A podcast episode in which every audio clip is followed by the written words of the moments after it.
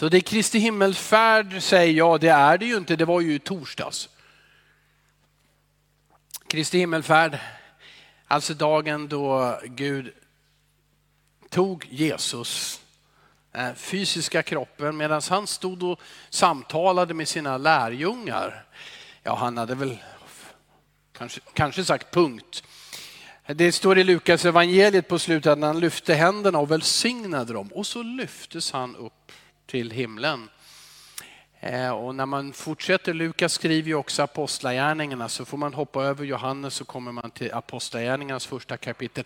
Eh, där upprepar han lite grann Jesus, eller, eller Lukas upprepar lite händelsen, skriver lite mer om det runt omkring. Men det står att han lyfts bort och de tittar där tills de inte ser honom mer. Och Gud blir väl orolig så att han skickar ner två änglar. Och säger, vad, vad står ni och tittar upp i luften för? Han ska komma tillbaka på samma sätt som ni har sett honom lyftas upp. Det här är ju, det här är ju en av de berättelser som på sitt sätt försätter Bibelns berättelser i Marvel och Avengers och, och fantasy och så vidare. Det här är ju inte någonting som vi brukar se. Att människor bara lyfts upp. Eh, om vi anstränger oss och bygger bra maskiner så finns ju häftiga turbomotorer som man kan sätta, eller jetmotorer på ryggen idag och man kan flyga rätt så bra med dem så att säga. Så man skulle kunna lura några stycken. Eh, men eh, Jesus lurade ingen. Han lyftes upp. Varför lyftes han upp? Jo, Bibeln säger därför att han hade kommit ner. Ja, han kom ju ner på ett sätt som också är får en att ta sig för pannan för att eh, det är ju en, en ung tjej, en ung kvinna, Maria, som får besked om att du ska föda en son och det ska vara den högstes son. Guds ande ska komma över dig och du blir med barn. Och så skedde det. Utan att hennes eh, trolovade då Josef rörde vid henne så blev hon med barn genom den heliga ande. Och så Jesu liv börjar och avslutas på jorden på helt otroligt sätt. Föds i en kvinna som inte har varit med en man och lyfts upp till himlen. Och Bibeln säger och Jesus säger, jag gör ingenting utan att Fadern har visat mig det, lagt gett mig de orden, gett mig det uppdraget. Jesus sa, jag och Fadern är ett.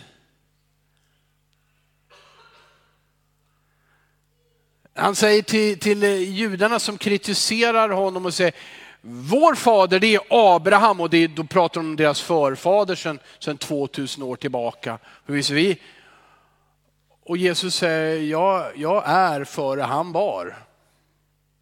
Jesus är. Han säger inte att jag var en gång tidigare på jorden och hälsade på innan Abraham, utan säger jag är före Abraham var. Det är eh, Guds son som föddes in i mänskligheten. För att Gud vet att du och jag med alla våra försök för oss att analysera och diagnostisera jorden och skapelsen och mänskligheten. Det är ett evighetsarbete som vi inte klarar av på egen hand. Inte ens idag kan vi se det allra, allra minsta. Det finns alltid någonting som är mindre. Forskarna bara anar att det finns det som är ännu, ännu mindre. Vi kan inte se det som är långt borta och det skulle ta sån tid dessutom om vi skulle resa dit, ni vet, den närmaste stjärnan, solen till exempel. Det skulle ta så mycket tid att inte ens med 103 år så skulle vi hinna dit. Och lyckas vi förlänga livet och lyckas vi åka så snabbt så att vi ändå tar oss dit, ja men då smälter vi ju någonstans där på vägen när vi kommer nära solen. Men det här är ju inte våra stora problem. Det här påverkar ju inte din och min vardag, arbete och familj och barn och sånt där. Om, om vi kommer till månen och solen eller sånt där. vi har ju andra problem och vi försöker diagnostisera det här på olika sätt. Vad är, vad är, liksom, vad är, vad är det med mänskligheten? Och sen, sen ett par hundra år så gör vi ett rejält försök, väldigt mycket utifrån Europa, att, att utbilda världen. Tala om för världen att det är du som är i centrum. Åh, oh, vad härligt. Vet ni vad vi, vi, vi har ju kommit underfund med att det inte var jorden som var i centrum utan det är i alla fall solen i universum. Men, men solen är ju bara i den här galaxen, den är ju inte ens centrum. Och vad är centrum? Och det där är ju så jobbigt så det är så skönt att bara få höra, att men det är jag som är centrum, han var bra. Men, men så märker vi hur tragiskt det är att, att vara i centrum. Att, allt, att all framgång skulle bero på mig och på vad jag lyckas göra, då gäller det att vara frisk och leva länge och planera väl och göra absolut så få misstag som möjligt. Och Jesus, men inte bara Jesus utan hela Bibelns budskap är att men Gud ger oss en diagnos och han ger oss också en lösning. Wow, all right. Det är många som har gett diagnoser. Det är väldigt få som har gett en lösning. Diagnosen är det där ordet som, som människor tycker är jobbigt idag, som kanske du och jag också tycker är jobbigt för folk reagerar på det och har sina uppfattningar om det. Det där ordet synd, det beror på synden säger Bibeln. Åh, tala inte om det säger någon. Ja, men Jesus kom, vem känner att vem har någonsin upplevt att Jesus kom och pekade finger? Du har syndat, du har syndat. Det, han gjorde ju inte det. Alltså det här är diagnosen. Det finns liksom något som, som vi kan beskriva som ett gift i hela systemet. Det vi känner av det är ju liksom när relationer inte funkar, hälsan inte funkar, saker inte blir som vi hoppas och, och planerar och jobbar för. Det som är ännu jobbigare det är när vi märker att, att vi är till och med självdestruktiva. Vi förstör systematiskt för oss själva. Just nu så pratar vi mycket om klimatet som vi förstör. Eh, och det finns en sanning i det. Men vi förstör ju vår själ och oss själva. Eh, men det där giftet det finns liksom i systemet. Och det förklarar Bibeln helt enkelt med att det har att göra med att vi, två saker säger Bibeln. Vi har ett, han har gett oss fri vilja. Vi får välja. Vi behöver inte liksom göra allt han vill. Och det gjorde då inte Adam och Eva som Bibeln kallar de första människorna. Men så har det också med något annat att göra, dramatiskt och större och det är att en av de här eh, superänglarna, Lucifer, ljusets ängel, rebellerade mot Gud. Så jag orkar inte med dig Gud. Jag ska bestämma. Det är lite av det som man har planterat in i oss i vår, vår tanke kring att jag ska vara i centrum. Jag ska göra mina val. Jag, jag. Inte lite av det som man har planterat in, det är rätt så mycket som har in i det där. Och så säger Jesus, det finns ett, det finns ett gift. Det finns i hela systemet, det påverkar allt och alla. Och vad det ytterst sett gör, och det säger Bibeln är det värsta, vi är inte alltid medvetna om det, men det är det värsta, det är att vi är inte i kontakt med livets källa, med skaparen, med Gud som har gjort allting och som har tänkt ut en helt otrolig plan. Och Och det är det som Jesus säger, det är syndagiftet. Men eh, om jag ska bara liksom dra det ut er, ur er på något sätt. Jag ska få ur giftet. Jag ska lära er att arbeta mot giftet. Hitta lösningar.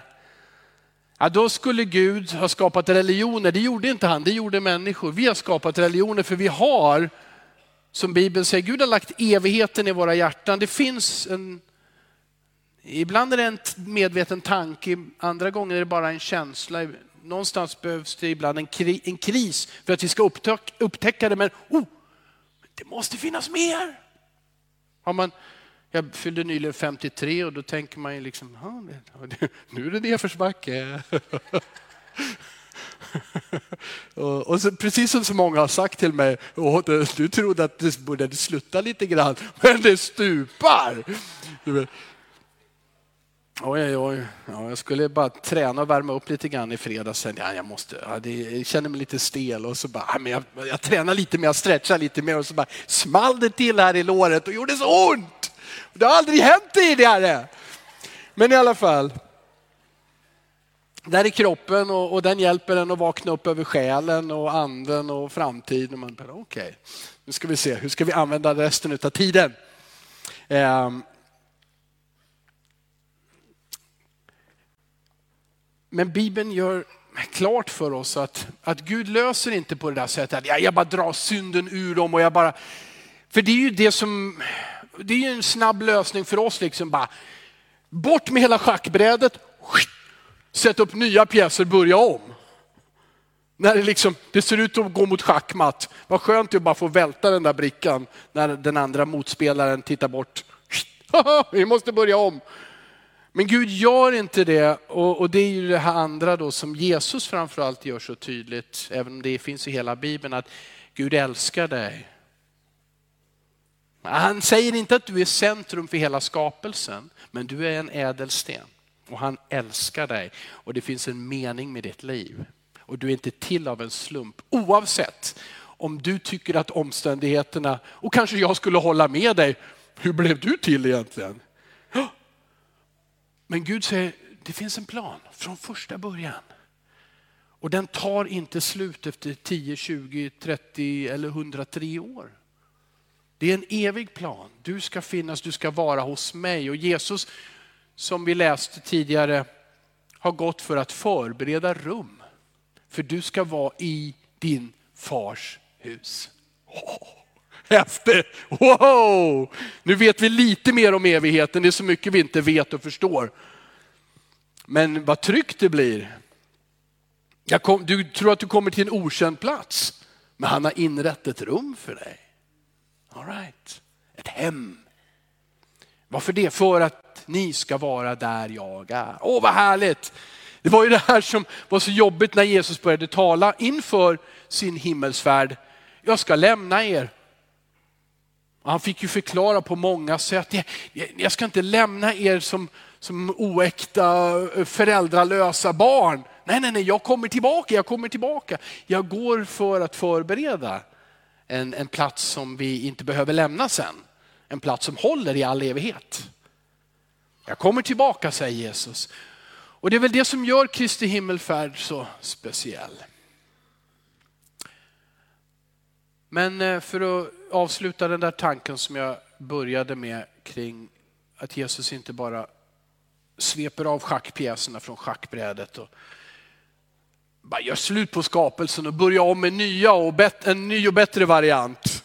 Liksom. Ja, inte ens en ny variant. Utan hel, ja, men det, han älskar, älskar sin skapelse så oerhört mycket att han inte är beredd att bara döma den och slänga bort den. Och då kommer allt det här svåra. Hur ska det här lösas? Men det här vet ju Gud i sin vishet. Och sänder sin son. För att ge oss information och kunskap som vi inte kan skaffa oss på egen hand. Detta som du och jag som är troende säger med sån övertygelse, jag hoppas du säger det. Jag är älskad av levande Gud. Om du inte brukar säga det så säg det nu. Jag är älskad av levande Gud. Amen. Han ger, det är Jesus som förmedlar det. Men så berättar han inte bara, så gör ni så här och så här så får ni till det. Det är det som är grejen. Han säger inte, ni måste ordna till det på detta eller detta sättet så kommer ni att klara er och så kommer ni vidare in i evigheten. Den han är ju kärleken personifierad och vet Att när jag kommer till människorna så är jag enda vägen. En del tycker att det här är väldigt exkluderande. Det är inte bra att Jesus säger att han skulle vara enda vägen. Men tänk dig att du föddes med den vissheten, jag är den enda vägen. Tala om press. Eller hur? Tala om förväntningar. Jag är vägen. Jag är sanningen, jag är livet. Men för att vi ska få del av det här livet så måste han dö. Och det är på det sättet som han får ut syndagiftet ur skapelsen utan att samtidigt förstöra skapelsen. Han blir en del, han blev en del av den när han föddes. Guds son blir människa. Och i sin kropp, sin mänskliga kropp, så tar han konsekvenserna, straffet, synden, skulden och möter döden frivilligt på ett kors. Det är så han besegrar giftet här och säger att tro på mig. Tro på mig. Gud bekräftar det här. Hur då? Genom uppståndelsen. Amen.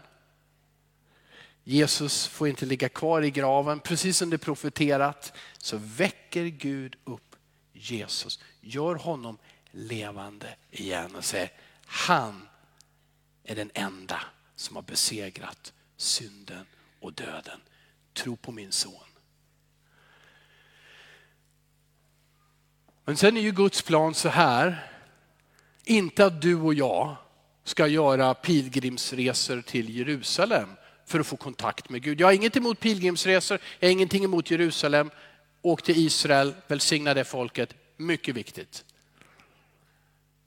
Men Gud bor inte där i ett tempel i en byggnad. Som gamla testamentet ändå sa att han gjorde för en tid och uppenbarade sig och talade till sitt folk, då behövde du också vara av det judiska folket. Så behövde du bo i det landet och så behövde du följa Mose lag. Och då bodde Gud i templet och kunde tala till dig. När du kom och offrade djuroffer för dina synder och för din skull så kunde prästen be för dig och du kunde få veta att ja, men det är okej. Okay. Du kan fortsätta att leva och Gud ska välsigna dig och, och din åker och din familj och alltihopa du har. Vad jobbigt livet skulle vara om vi skulle åka till Israel och Jerusalem varje gång vi hade syndat. Eller ens en gång om året. Så Jesus i sin fysiska kropp lyfts upp av Fadern till himlen. Han lyfts och vad händer där? Det står ett par gånger i Bibeln.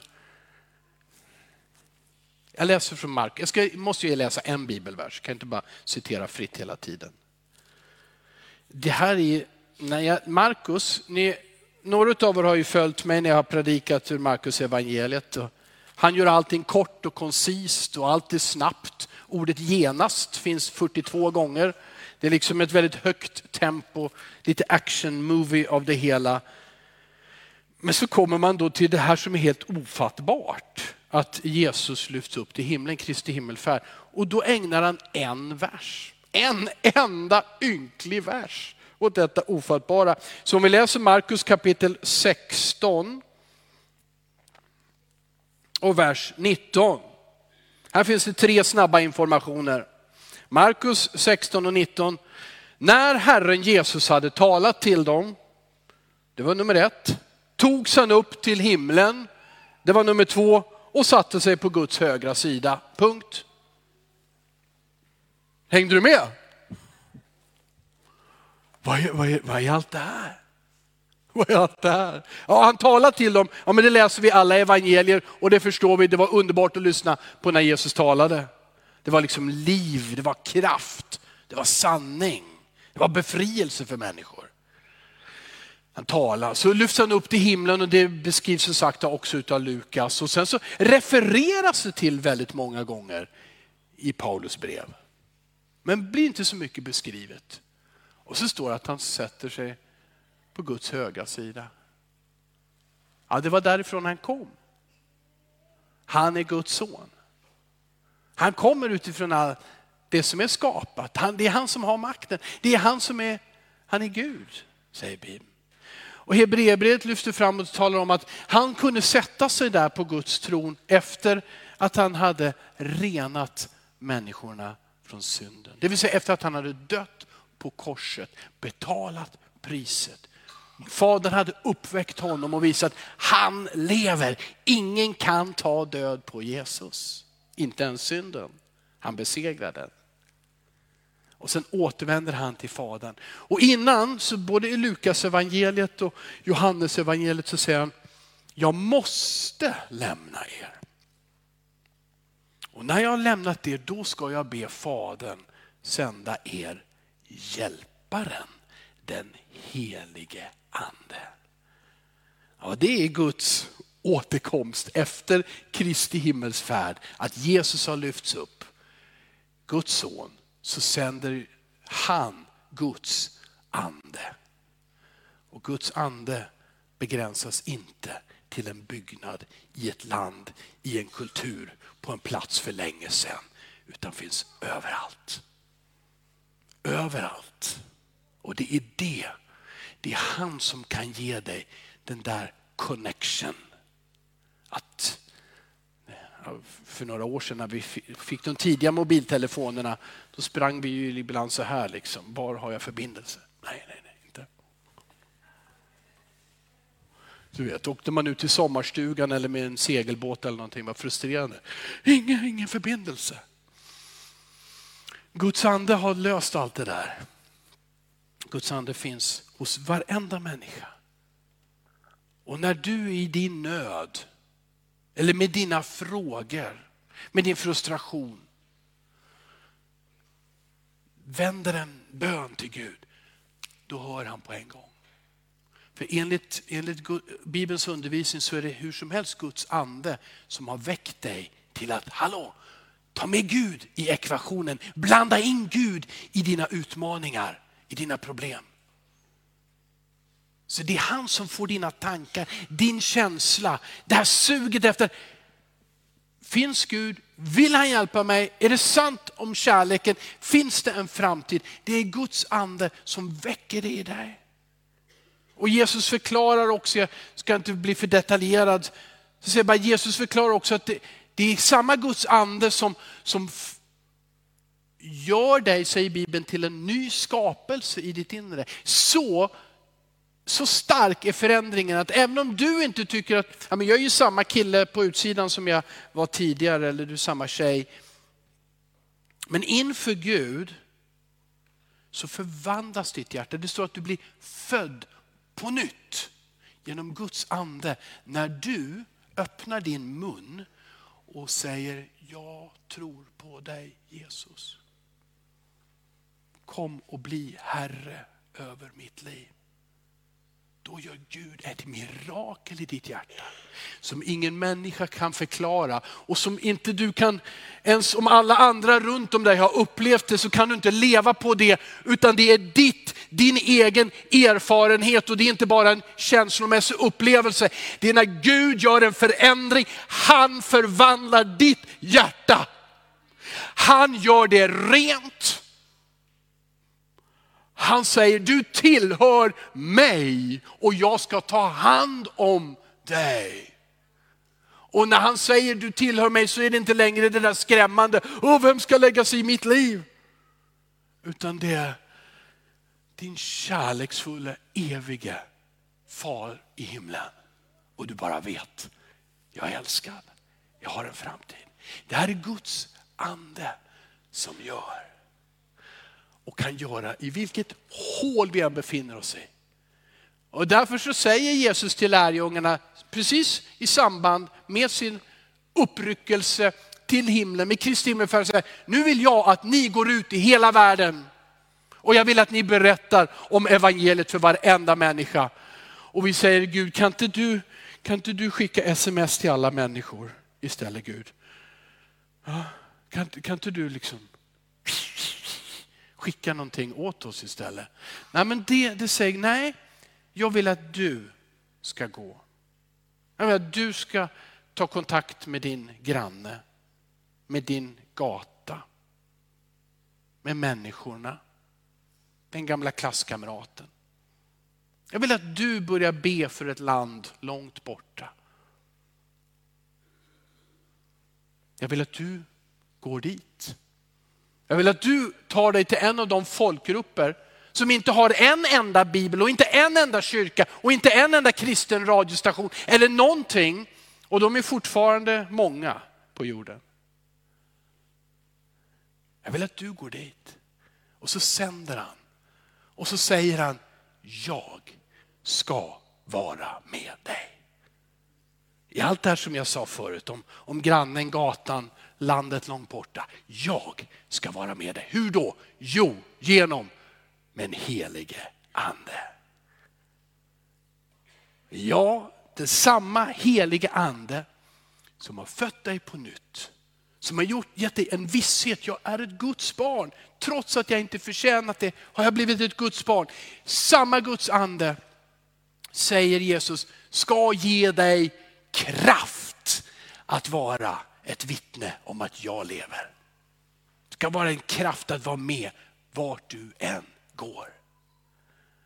Och det här lovar Jesus innan han återvänder till Fadern. Och lärjungarna är laddade. Det står ju att de, de gladde sig, de prisade Gud, de gick till templet i Jerusalem och Åh, Jesus har sagt att vi ska gå ut i hela världen. Jag vet inte, vi har väl kanske olika uppfattningar om det här, men jag har en barnbibel, där sitter lärjungarna instängda, inlåsta och jätterädda. Så här. Allt är jättemörkt. De är jätterädda för Jesus har lämnat dem. Eh, men när jag läser min bibel och Lukas evangeliet så står det att de var glada och prisade Gud och möttes till bön varenda dag. Eh, och väntade, för Jesus hade sagt, jag ska ge er en present. Och utan den, ni får inte göra någonting utan den. Ni måste vänta tills den har kommit. Den ska ni liksom ta emot. Sen ska ni gå. Och det är den helige ande, det är hjälparen som ska ge er kraft att vara mina vittnen i hela världen.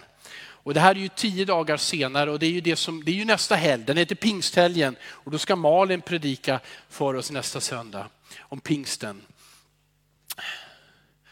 Men han säger så tydligt, vänta. Vad heter det? Alla vi som inte tycker om att vänta. Nu! Man säger vänta. All right. Och det betyder att varje människa behöver bli frälst, men varje människa behöver också bli fylld med den helige ande. Fylld av samma helige ande som har gjort dig till ett Guds barn, som har gett dig vissheten, tryggheten, att du är förlåten, renad, ett Guds barn. Han är med dig. Han är inte någon annanstans. Men han vill, och för att beskriva det här på något sätt, så använder Bibeln ordet dop. Ska, du ska doppas i den helige ande och den ska fylla hela dig. Men vänta, säger han. Och de möts. Vi läser om det Apostlagärningarna 1. De, de citerar ju ur, ur Saltaren. Så, eh, i det här, så jag förstår, min förståelse av det, det är att de möts och de läser gamla testamentet och så står det att de ber. De ber och de läser gamla testamentet. Jag utgår ifrån att de också pratar om vad Jesus hade sagt. Kommer du ihåg vad han sa? Och så började de liksom fånga berättelsen och inte glömma bort Jesu ord. Och över dem så kommer på pingstdagen den heliga ande. Flammor som av eld över alla som var samlade. Och i deras inre en kraft och ett nytt språk på deras tungor. De talar ord som den heliga ande ingav dem. Att vänta på den heliga ande, att söka den heliga ande. Vad handlar det om? Jag tror att Gud har en plan för dig. Det är ingen nyhet, du har hört det förut. Men jag vill säga det igen. Så Gud har en plan för ditt liv. Och jag tror att du vill göra allt det som Gud har satt framför dig. Jag ber om ursäkt. Jag tror inte att du kanske tänker så varje dag. Jag tänker inte så varje dag. Jag vaknar inte upp varje dag full med känslor. Jag vill göra allt som Gud har sagt. Men jag tror att när du prövar och funderar, vad är det som liksom är kvar om du får leva 103 år? Som Kerstin fick. Vad är det som är, är kvar då? Och vad gjorde jag med min tid? Då tror jag faktiskt, tack för hjälpen. Då tror jag faktiskt att du vill kunna säga, jag har sökt att få göra allt det Gud ville att jag skulle göra. Och då har jag en hälsning från Gud. Det är mycket, mycket mer än vad du kan föreställa dig och drömma om.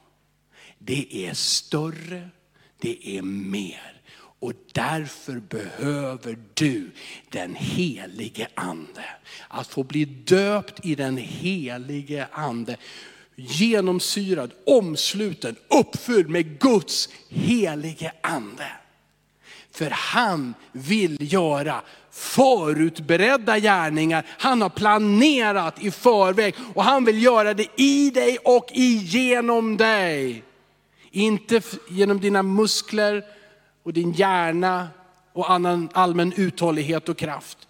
Utan genom den helige ande. Och till avslutning så vill jag säga, eh, och tvivlar du på det så får du gå hem och läsa hela Lukas evangeliet. Nej, men Jesus blev människa och han var inte en Avenger eller Superman eller superhero med speciella krafter som du och jag inte har. Utan när Jesus blev döpt, det står när han kom upp ur vattnet, då kom den helige ande över honom. Och himlen, Guds röst ur himlen, det här är min älskade son. Och sen står det att den helige ande ledde Jesus ut i öknen att fasta och frestas. Och han kom tillbaka från ökenperioden i andens kraft. Och det Jesus gjorde, de under och mirakel han gjorde, gjorde han inte för att jag har en specialmetod här. Utan han gjorde det genom den helige andes kraft. Så Jesus själv, Guds son, gjorde sig totalt beroende av den heliga ande. Och kunde till och med lida på ett kors och dö. Så det är inte bara helande under och fantastiska saker, utan det är uthållighet, det är formning av vår karaktär, av hela vårt väsen genom den heliga ande. Finns det någonstans du ska gå och bada i sommar så är det i den heliga ande.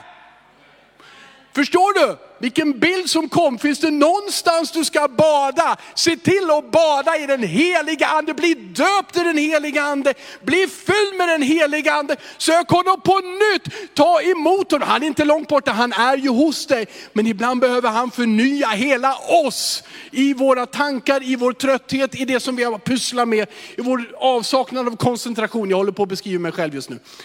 Allt det här liksom, Gud jag behöver den heliga ande. Och det vet du och jag. Även om vi, ja, det var underbart i veckan här så fick jag samtala med några som vill bli döpta.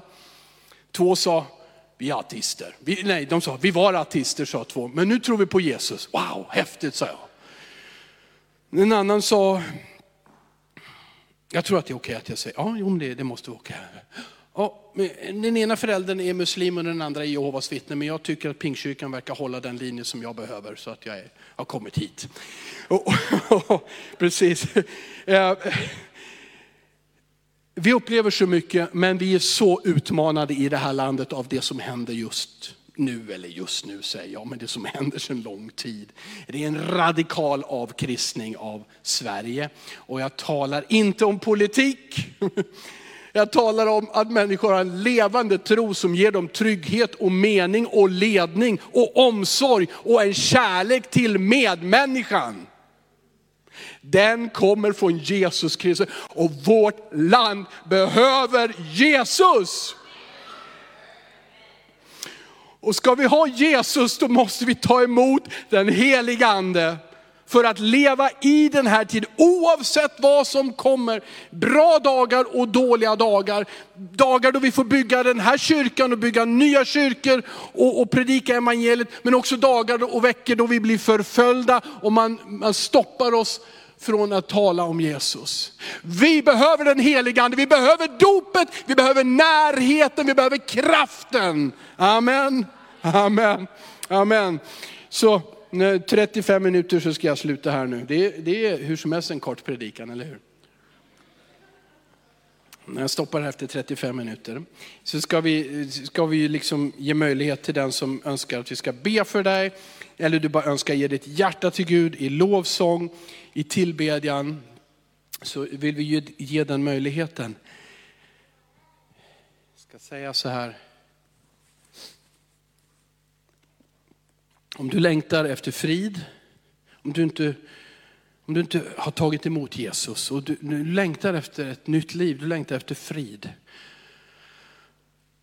Du, liksom, du har spelat på Lotto och, och försökt vinna pengar för att fixa situationen. Du har sökt olika vägar för att det ska bli bättre, för det borde ju gå och så vidare. Men du har hamnat i den situationen, märker jag kommer inte vidare. Men nu sitter jag i Pingkyrkan idag, eller jag lyssnar på en sändning. Jag vill säga att Jesus älskar dig. Han har förberett, han, han har funnits där fast du inte kanske har märkt det. Och han har förberett, för han vill vara med dig från och med idag på ett sätt som du aldrig har upplevt tidigare. Han vill vara med dig varenda dag. Han vill visa dig, han är din trygghet, han är din framtid, han är din försörjare. Han leder dig i tider av ensamhet, i tiden av mycket. Han vill vara med dig. Han, Jesus Kristus, dog på korset för dina synder. Så det handlar om att du släpper dem och ger dem till honom. Han har förvisso redan burit dem, men du behöver släppa det. Skammen, skulden, stoltheten, felen, misstagen, själviskheten. Släpp det och ge det till honom. Du vet att det är ingen annan som vill ta de där grejerna, det är du mycket väl medveten om. Det är ingen som vill ha allt det som jag precis räknade upp. Men han vill ha det. Han vill ha det. Ge det till honom med ditt hjärtas beslut. Jesus, jag ger allt till dig. Jag behöver den där befrielsen från synden och reningen och det nya livet. Och det är ditt. För han har redan dött på korset för dig. Och Gud har bekräftat att det är sant genom att han uppväckte Jesus, lyfte upp honom till himlen, satte Jesus på sin högra sida och han regerar och den Jesus ska komma tillbaka. Men idag vill han komma till dig och ge dig frid och förlåtelse. Så jag vill uppmuntra dig att ta emot Jesus i ditt hjärta med en, med en enkel bön. Jag vill också uppmuntra dig som säger jag vill, jag vill tjäna Jesus och jag vill leva i den här kraften. Jag behöver bli döpt i den helige ande, jag behöver bli förnyad i den helige ande. Jag uppmuntrar dig att söka det. Och om, då säger jag så här, om du har tro, önskan och längtan idag att få göra det, då, då, då, då, kan, då ber vi gärna för dig. Då ber vi för det står att vi ska lägga händerna på varandra, be för varandra. Så att vi blir döpta i den helige ande. Amen. Men om du säger, ja, men jag, jag, jag, nej men okej, jag, jag lovar, jag ska, jag, nu säger jag det här till er som församling också. Jag kommer att be den här veckan speciellt för det. Ska bli döpta i den heliga ande. Döpta i den heliga ande, för vi behöver det. Amen kommer att be. Och kan du komma på onsdag kväll när Peder predikar om seger, då kommer du på onsdag kväll. Kan du komma på nästa söndag när Malin predikar om pingsten och den helige ande, då kommer du då. Men gör detta till din bön också. Och Pingst i Sverige startar nu en kampanj under den här veckan, så har du sociala medier. Håll utkik efter någonting som heter Löftet gäller dig. Löftet gäller dig. Det handlar om bli döpt i den heliga ande. Där finns uppmuntran, det finns exempel, där finns det kort bibelundervisning om det här. Men du behöver bli döpt i den heliga ande. För Gud vill göra så mycket mer. Välkommen lovsångs Gabriel och, och välkommen att ställa er upp och låt oss söka Herren i det här rummet.